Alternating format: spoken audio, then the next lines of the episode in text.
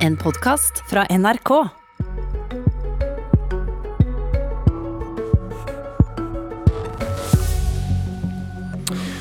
Hva står igjen etter åtte år med Erna Solberg? Er dette fortellingen om en politisk bragd, der hun har klart å få fire veldig ulike partier til å stemme for alle budsjetter, 16 stykker? Eller er det historien om et borgerlig samarbeid som nå er i ferd med å rakne helt? Der man motvillig blir enige om de siste budsjettene, mens noen faktisk håper at flertallet ryker nå, for å slippe mer samarbeid? Før Politisk kvarter tar sommerpause, skal vi i dag og i morgen gi deg oversikten du trenger inn i ferien. Og vi må begynne med makta. De fire partiene som har styrt Norge siden 2013, og hun som har vært statsminister hele veien. Velkommen, politisk redaktør i Dagens Næringsliv, Fridtjof Jacobsen. Politisk kommentator i NRK, Lars Nehru Sand. God morgen. Og med oss fra Trondheim, politisk redaktør i Adresseavisa, Siv Sandvik. God morgen. Jeg hørte et eh, slags pust der, så jeg tror, eh, tror Siv er med oss. Eh, er det en nekrolog du er med på her i dag, Fridtjof Jacobsen? Det kan jo se sånn ut. Tallenes tale er mørk og dyster for Erna Solberg og borgerlige, den borgerlige siden. Men alle som har fulgt litt med på både norsk og internasjonal politikk de siste årene, vet at det som ser veldig klart ut på målinger, det kan være helt annerledes når selve valget kommer. Det har skjedd noen ganger. Ja, så vi tar med en måling i Vårt Land i dag, hvor da disse støttepartiene hun er helt avhengig av, Venstre og KrF, er på det mørke totallet. Frp får ensifra. På nitallet så er det da, som du sier, velgerne bestemmer hennes skjebne i september. Men hva, hva står igjen etter åtte år med Solberg som statsminister? Det står igjen eh, en borgerlig samling som har overlevd åtte år, og som egentlig, hvis det, dette ryker slik det ser ut til nå, så er det jo ikke fordi det går i oppløsning internt. Eh, de klarer å holde sammen. Eh, de holder ikke sammen akkurat noe særlig mer enn det de akkurat må, men det har de vel ikke gjort noe særlig gjennom hele den åtteårsperioden. Eh, så det er jo det er liksom velgerne og mangelen på begeistring og oppslutning, særlig da for Fremskrittspartiet, Venstre og KrF, som, som, bety, som gjør at dette går mot slutten. Eh, men det har ikke gått i indre oppløsning. Selv FrPs regjeringsexit i januar 2020 eh, klarte dette prosjektet her å håndtere på en måte som gjorde at det hang sammen etterpå. Hvordan har hun klart det? Er det magic? Jeg vet ikke. Nei, hun er jo usedvanlig pragmatisk, Erna Solberg, og tror ganske løsningsorientert. Har, eh, blikket stivt festet på det som faktisk må gjøres, og det som er viktig, og lar seg ikke distrahere så mye av eh, verken press fra pressen eller ordbruk eller utspill eller det som ofte ellers preger politikk og kan sette i gang prosesser som begynner å løpe og man mister kontroll på. Eh, hun virker ganske sånn eh, ja, lite opptatt av, av, det man kan kalle game eller spillet, eller at folk begynner å ta i verbalt. og og konsentrerer seg om det som må til, nemlig at de klarer å bli enige om budsjettene og de andre viktige sakene. og Det har hun jo stort sett fått til. Skryt til Erna Solberg. Lars Nehru Sand, du sa til meg at dette er hennes dårligste halvår. Ja, det syns jeg fordi eh, det har vært mange vanskelige halvår som har handlet om kriser som må løses og, og, problemer som har oppstått. Men dette halvåret så har vi sett uh, eksempler på at hun og, og hennes stab har gjort uh, store feil. Det letteste å huske er selvfølgelig Eh, sushimiddagen på, på Geilo, men det mest alvorlige er jo saken om Bergen Engine. Eh, og det er flere eksempler på det. Det andre er at vi har sett, eh, selv om som Jacobsen er inne på, at dette prosjektet har holdt sammen alle fire partiene, så har vi nok og Solberg har klart å manøvrere en mindretallsregjering lenger enn det var en flertallsregjering. Så har vi dette halvåret også sett eh, store eksempler på, eh, på saker hvor opposisjonen har funnet sammen, og hvor det har vært eksempler på stortingsregjering. Eh, begynte med en 23-punktsliste med, med, krisepakke i, i, januar, og har fortsatt med fergepris og, og, og pensjonsopplegg, for å, for å nevne noe. Hvis vi tar det litt, eh, litt større perspektivet, da, hvordan, hun styrte i åtte år og klart det som vi var inne på i stad, Hvordan, hvordan har det borgerlige flertallet endret Norge? Det står noen reformer igjen eh, etter Solberg. Eh, kommunereformen eh, bl.a.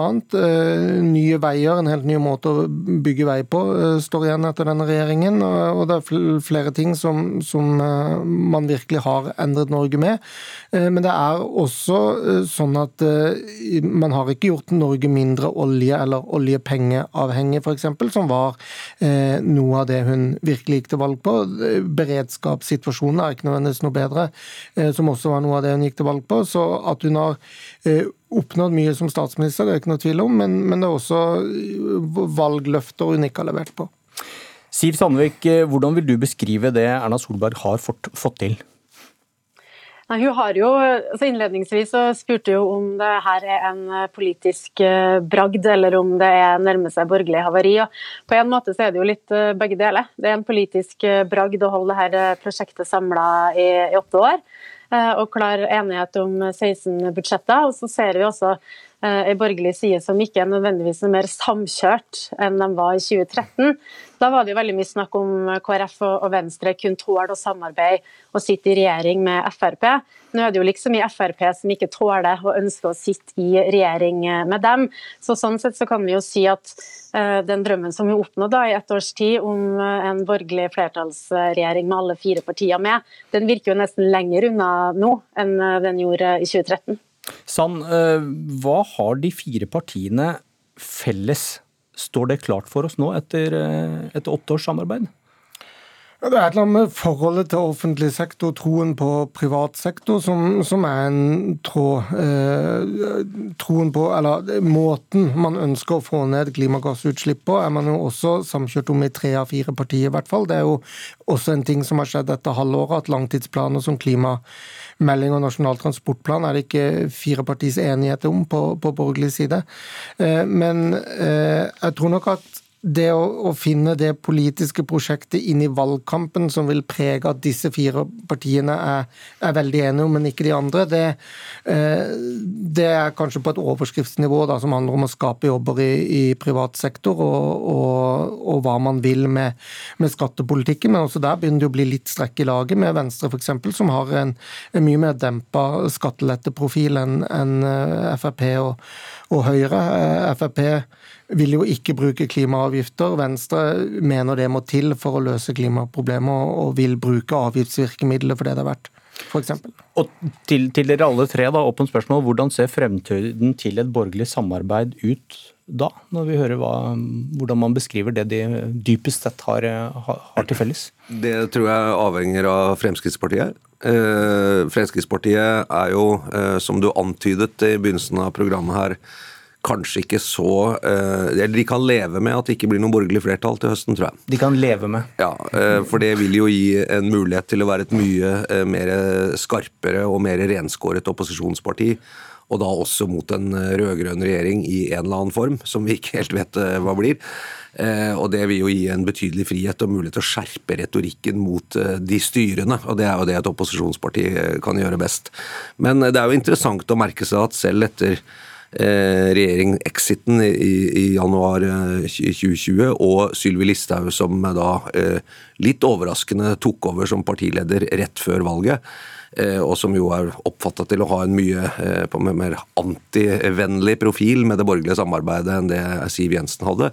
Så har ikke Siv Jensen gått dit, nei, har ikke Sylvi Listhaug gått dit hvor Carl I. Hagen var flere ganger og sier at hvis ikke vi er med i regjeringen, så kan du bare glemme at Erna Solberg blir statsminister. Altså Hun har ikke kommet med den type ultimatum som vi f.eks. hadde i 2009. Da den, uh, en regjering med, med KrF og Venstre eh, og Erna Solberg, som var et forslag inn i 2009, ble torpedert før det det hele tatt valget var i gang av Frp. Så Frp er fortsatt inne, men jeg tror jo kanskje at de ja, dypest sett, De vil ikke sabotere, men eh, det, er ikke så dumt for dem hvis det blir et regjeringsskifte nå. Kan du nevne en anekdote fra dette studio da Sylvi Listhaug fikk spørsmål om håper du det blir borgerlig flertall? Hvor hun nølte så lenge at Siv Jensen, avtroppende partileder, grep inn og sa selvfølgelig håper vi på borgerlig flertall. Ja, altså, Hvis det blir et borgerlig flertall, så blir det en borgerlig regjering på FrPs nåde. Eh, og det vil nok oppleves litt annerledes enn det har vært denne perioden her. Eh, hvis det ikke blir et borgerlig flertall, eh, så kan vi jo ende i en situasjon hvor KrF og Venstre er nødt til å tenke på seg selv først, og ikke samarbeide først. Sitter inne på Stortinget med, med kanskje til sammen fire mandat, de to partiene. Og at Frp i samme situasjon skal bygge seg opp mot 2025 med ny partileder og håper selvfølgelig på størst mulig stortingsgruppe, men det vil nok gi et helt annet rom for borgerlig samarbeid enn det det var i perioden mellom 09 eh, og 13, da de fant sammen de fire partiene i et eh, skjebnefellesskap. Siv Sandvik, hvis, det blir et nytt flertall her, hvis det borgerlige flertallet faller, kan, kan de to sentrumspartiene Venstre og KrF finne sammen med en regjering utgått fra Senterpartiet og Arbeiderpartiet, f.eks. i et statsbudsjett? Om det blir noe, jeg tror ikke det blir noe sånn formalisert samarbeid eh, med det første. Eh, det er jo i hvert fall eh, Arbeiderpartiet tydelig på at, at de ikke ønsker. Men det, Senterpartiet sin kongstanke, i hvert fall i deler av Senterpartiet, er jo en, en mindretallsregjering som kjører såkalt slalåm i Stortinget. altså kjører, kan få vekslende flertall på den ene eller den andre sida. Da tror jeg vi får en en svekkelse av den blokkdannelsen vi har sett eh, i norsk politikk. Eh, og Det er det også veldig mange i Senterpartiet som ønsker. Og i hvert fall Her i regionen i Trøndelag så er det jo mange i både KrF og Venstre som snakker varmt om et samarbeid på sikt med, med Senterpartiet. Så jeg tror det kan få store konsekvenser for um, framtidige samarbeidsformer i norsk politikk dersom det blir den mindretallsregjeringa som enkelte i, i Senterpartiet vil ha. Ja, jeg tror også Det som jeg tror kan bli avgjørende, er hvis de borgerlige nå tapper valget slik det ligger an til, og det går så dårlig for eh, både Fremskrittspartiet, KrF og Venstre som noen målinger viser nå, hva blir fortellingen i de partiene om hvorfor det gikk galt? Og Hvis det som står igjen er at det å gå i et regjeringssamarbeid eller sitte i regjering med et stort Høyre, med en, med en respektert og dyktig statsminister på toppen, som vel er eh, også godt likt blant de andre partilederne stort sett, men det blir selvutslettelse. Det som vi kalte SV-fella eh, fra 2005 til, til 2013 så vil jo antageligvis de borgerlige partiene tenke seg nøye om eh, de tre andre da, før de går inn i et lignende forpliktende samarbeid. Og Da, da kan jo denne muligheten som Sandvik skisserer nå, at de kan eh, være med å støtte en sentrumsorientert regjering og være mer uavhengige og bare se på det som tjener de særinteressene de skal betjene. Eh, at man kan, Og dermed få en slags oppløsning av blokken og et mer uavhengig sentrum. Men jeg tror, jeg tror liksom oppgjørets time etter et eventuelt valgnederlag og hva, hva eller hvem man skal skylde på for at det gikk galt, eh, det tror jeg blir avgjørende. Og så er det også interessant at både Venstre, KrF og Frp har ferske partiledere som alle skal inn i sin første stortingsvalgkamp. Det er brutalt og røft. Og man kan jo spørre om noen av de kom litt sent til lederposisjonen til at de var egentlig godt nok forberedt til denne stortingsvalgkampen. Det kan jo gjelde både Venstre og Frp, som begge sliter tungt etter lederskiftene sine. Men, men Sandvik, en, en, felles fiende, eh, en ny, ny regjering. Eh, hvordan kan det påvirke intern borgerlig splid? Hvordan Det påvirker, det vil jo i hvert fall kunne gi en ty mye tydeligere Frp-profil. altså en, en, fiende eh, i Arbeiderpartiet, og særlig hvis SV også går inn i, inn i regjering, vil jo gi eh, spesielt eh, Fremskrittspartiet eh, en, eh, en, fiende å, å, mobilisere rundt. Men det kan jo også godt være at måten Frp gjør det på, eh, gjør partiet enda vanskeligere for KrF og Venstre å samarbeide med. Det, det kommer jo an på hva slags linje Eh, Sylvi Listhaug eh, legger seg på. F.eks. kommer det en stor eh, flyktningstrøm til, til Norge igjen, og, og Frp vinner velgere på det, så vil jo de kanskje gjøre det på en måte som fjerner dem enda mer fra KrF og Venstre. Så Det kommer også an på hvilke saker som blir omstridt de neste fire årene. Hva gjør Erna Solberg hvis det borgerlige flertallet ryker? Ja, Det er nok mange spent på også i, i, Høyre. Det er også et spørsmål hva Høyre gjør. altså Kommer det opprøret innenfra? Det handler ikke bare om hva, hva Solberg eh, selv har lyst til, men, men, det er jo ingen i Høyre som utelukker at Erna Solberg også er eh, partiets kandidat i, i 2025. Men det, det, er jo også krefter i partiet som nok vil, vil ha en debatt om, om lederverv og kurs, ikke minst. Hva gjør Erna Solberg, Fridtjof Jacobsen? Nei, Det er uvisst. Det naturlige vil jo være at hun uh, trådte til side en eller annen gang i neste fireårsperioden og, og slapp til en ny. Jeg tror det kommer litt an på hvem som er statsminister på den andre siden. Er det en eldre herre, så kan det jo være fordel å gå med en statsministerkandidat på borgerlig side som er noe annet, kanskje f.eks. en yngre kvinne. Og da er det vel lukket for et skifte. Takk for laget. I morgen får du alt om Team Jonas. Eller var det Team Trygve? Jeg heter Bjørn Myklebust. Dette var Politisk kvarter.